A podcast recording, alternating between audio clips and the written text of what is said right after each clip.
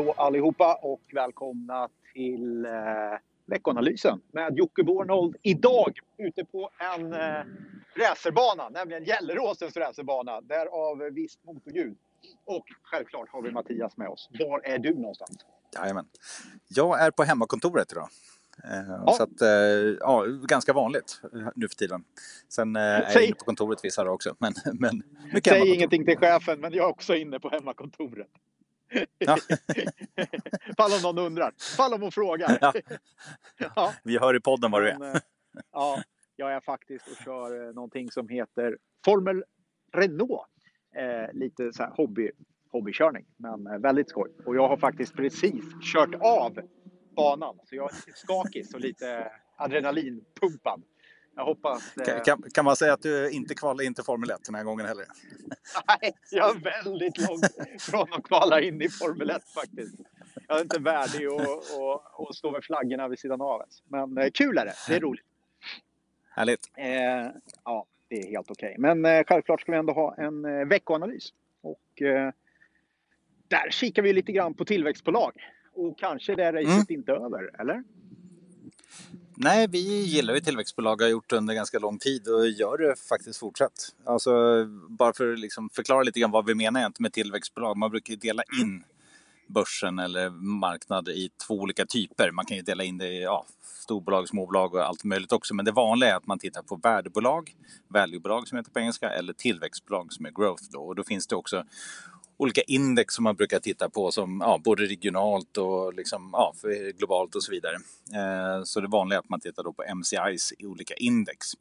Och tittar man då på just värde och tillväxtindex då så har ju då värdeaktier underpresterat ganska kraftigt egentligen ända sedan finanskrisen. Och normalt så är det väl så att eh, det är ganska vanligt när det är starka marknader men sen när det brakar ihop lite ibland då brukar just värdeaktier, alltså sådana som är lite mer stabila bolag, de brukar då eh, klara sig bättre.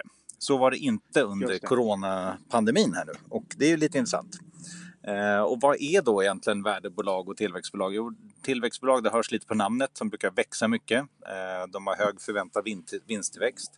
Brukar också vara högvärderade. Och värdeaktier är ju då lite mer som jag sa, stabila, lägre värderade, växer inte så mycket, eh, delar ut mer av sin vinst, de kanske inte tror lika mycket på sin verksamhet. Eh, behöver inte vara fel, men eh, sen finanskrisen i princip så har de gått klart sämre.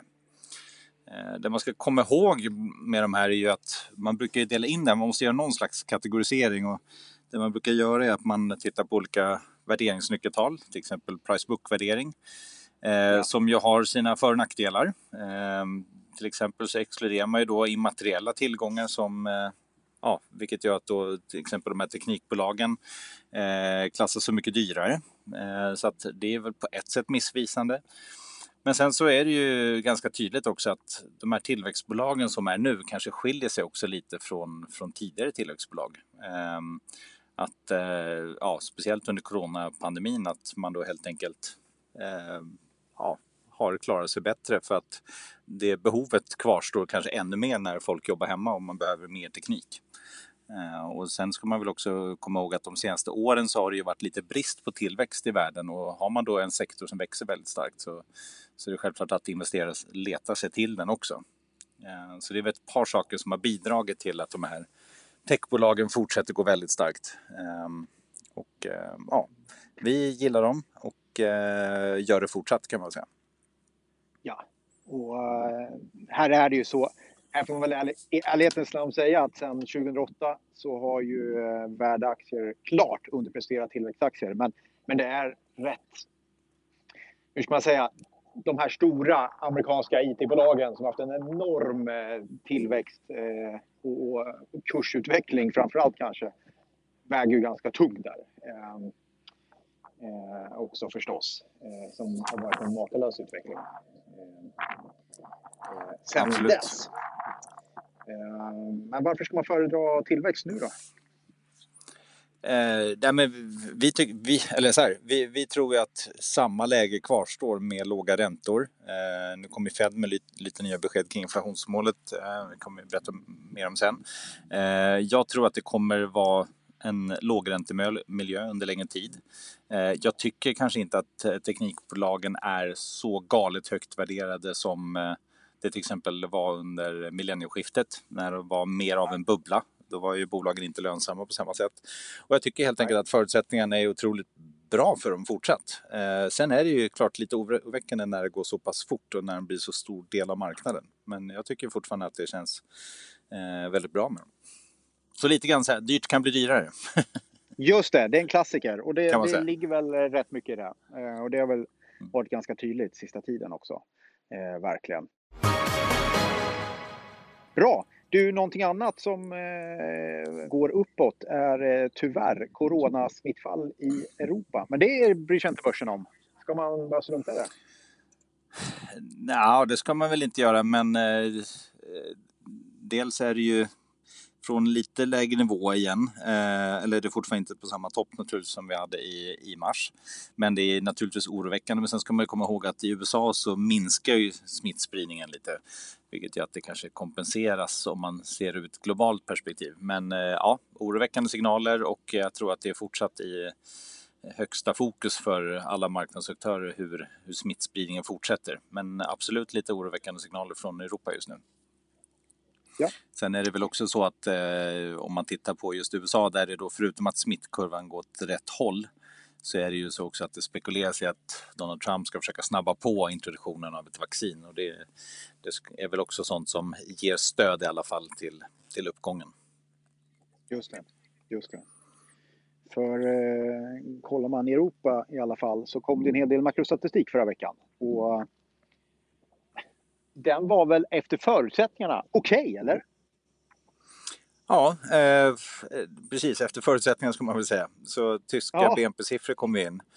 Visar att fallet var något mindre än preliminärt estimat i alla fall. Eh, sen det är klart om man tittar på detaljerna Konsumtionen är 11 procent. Eh, ja, exporten med 20 procent jämfört med kvartalet innan. Det är ju, det är ju svaga siffror självklart.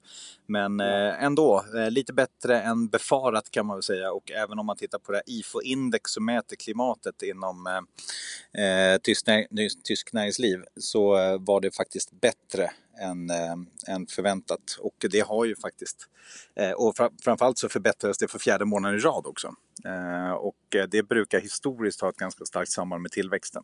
Så där kan man nog eh, hoppas på att eh, det ger en ja, liten bottenkänning även i, i tillväxten här i tyska ekonomin. Och sen så mm. kom det också siffror lite grann från Kina. Eh, visar ju faktiskt att vinsterna i, i bolagen accelererar under juli ganska bra högre lönsamhet i bil och elektroniksektor. Och sen så nämnde, som jag nämnde förut lite kort att Fed eh, kom ju faktiskt med ett ändrat mål för inflationen så att den ska ligga på i snitt 2% över tid och det är väl kanske inte på pappret först en jättestor skillnad jämfört med att det ska ligga eh, att inflationsmålet är 2 utan att det ska snitt över tid. Eh, men eh, det möjliggör ändå ytterligare stimulanser så som vi tolkar det och eh, det är ju naturligtvis alltid någonting som eh, som marknaden ser positivt på. Ja. Eh, bra, vad ska man eh, kika på den här veckan då? Ja, alltså fortsatt så är det ju självklart om man bara ser på helheten så är det ju smittspridningen, det är handelskonflikten, det är fortsatt presidentvalet självklart när vi närmar oss det. Men om man tittar ja. just under den här veckan så skulle jag säga att dels definitiva inköpschefsindex.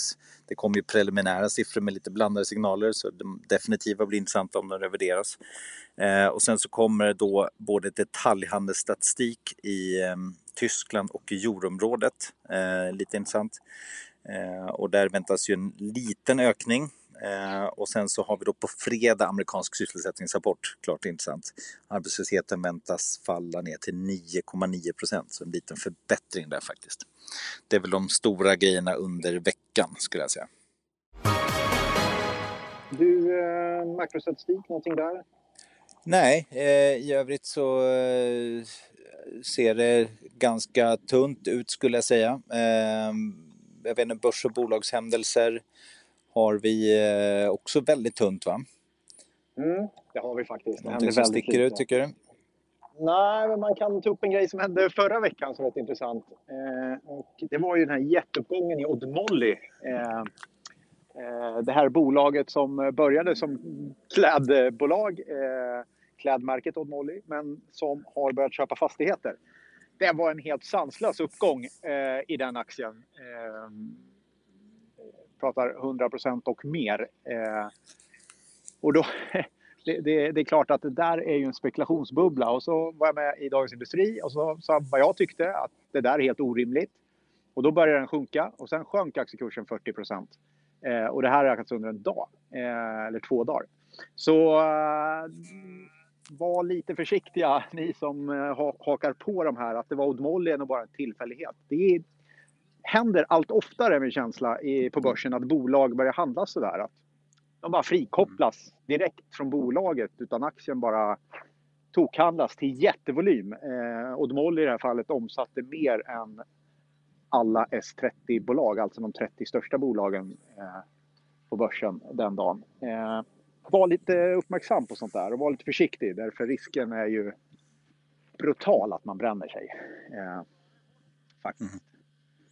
Mm. Eh, och, eh, jag såg att Ekobrottsmyndigheten kikar på, tror det var fem andra mindre bolag som har haft lite samma, samma utveckling eh, under våren, sommaren här. Så det, det tycker jag, det ska man ha lite koll på. Eh, och var försiktig när det blir sådär. Eh, haka inte bara på faktiskt. Vi får se. Vi får se att vi hoppas ja. kanske att vi slipper det den här veckan då. Eh, tycker jag. Eh, någonting annat som du har på hjärtat? Nej, jag tänkte vi pratade lite IT-sektor förut eh, mm. och noterade att den är stark, eller tillväxtbolagen och så här och det är ju självklart. Eh, Tittar man eh, i USA, eller globalt kan vi titta IT-sektor, så är den upp på tre månader 26 procent, senaste månaden 13. Enormt stark utveckling och börsen överhuvudtaget är stark. Och det är, ganska stora rörelser faktiskt. Volatiliteten är fortsatt hög. Men det jag noterar som förvånar mig lite, det var ju väldigt stökigt på räntemarknaden här i våras. Eh, tittade ja. lite på hur, hur det har gått på räntemarknaden den senaste tiden och bara så här, om man jämför lite grann med lite längre tid tillbaka också. Eh, amerikansk tioåring på samma nivå som för tre månader sedan. Eh, tittar man kreditspreadar i USA till exempel, ligger på exakt femårssnitt. Så amerikansk investment grade ligger på 137 punkter i spread. Det är exakt femårssnittet. Eh, amerikansk high yield-marknad, skräpobligationer, ja, marginellt högre. Så det, det, är liksom förvånansvärt. Alltså visst svänger det emellan, men det, det är ganska så här senaste åren på räntemarknaden ändå. Ja, det, det ser inte så eh, så olika ut om man tittar på kreditspreadar till exempel som jag tycker står ganska lågt som det gör.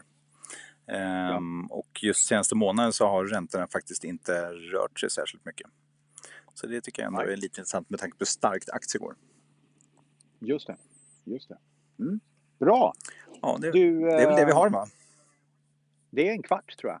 Ska vi, ska vi nöja oss med det? Vi gör det. Får du gå tillbaka till bilkörandet. jag ska faktiskt, eh, jag ska på det igen. Eh, det måste man. Har man kört i diket, Härligt. det gäller oavsett vad som eh, man gör det eller när man gör det, så måste man upp på hästen igen. Så det, det blir några ja, varv till här snyggt. innan jag stänger butiken för idag. Absolut. Ja, så just. har det gott allihopa så vi, vi hörs nästa vecka. Hej. Svärd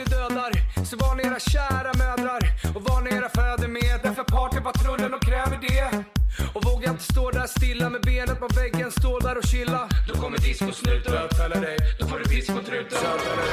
Olagligt att inte dansa, asexuell, straight eller transa. Och vi ska upp bland molnen, varannan dag men alltså en skål sen.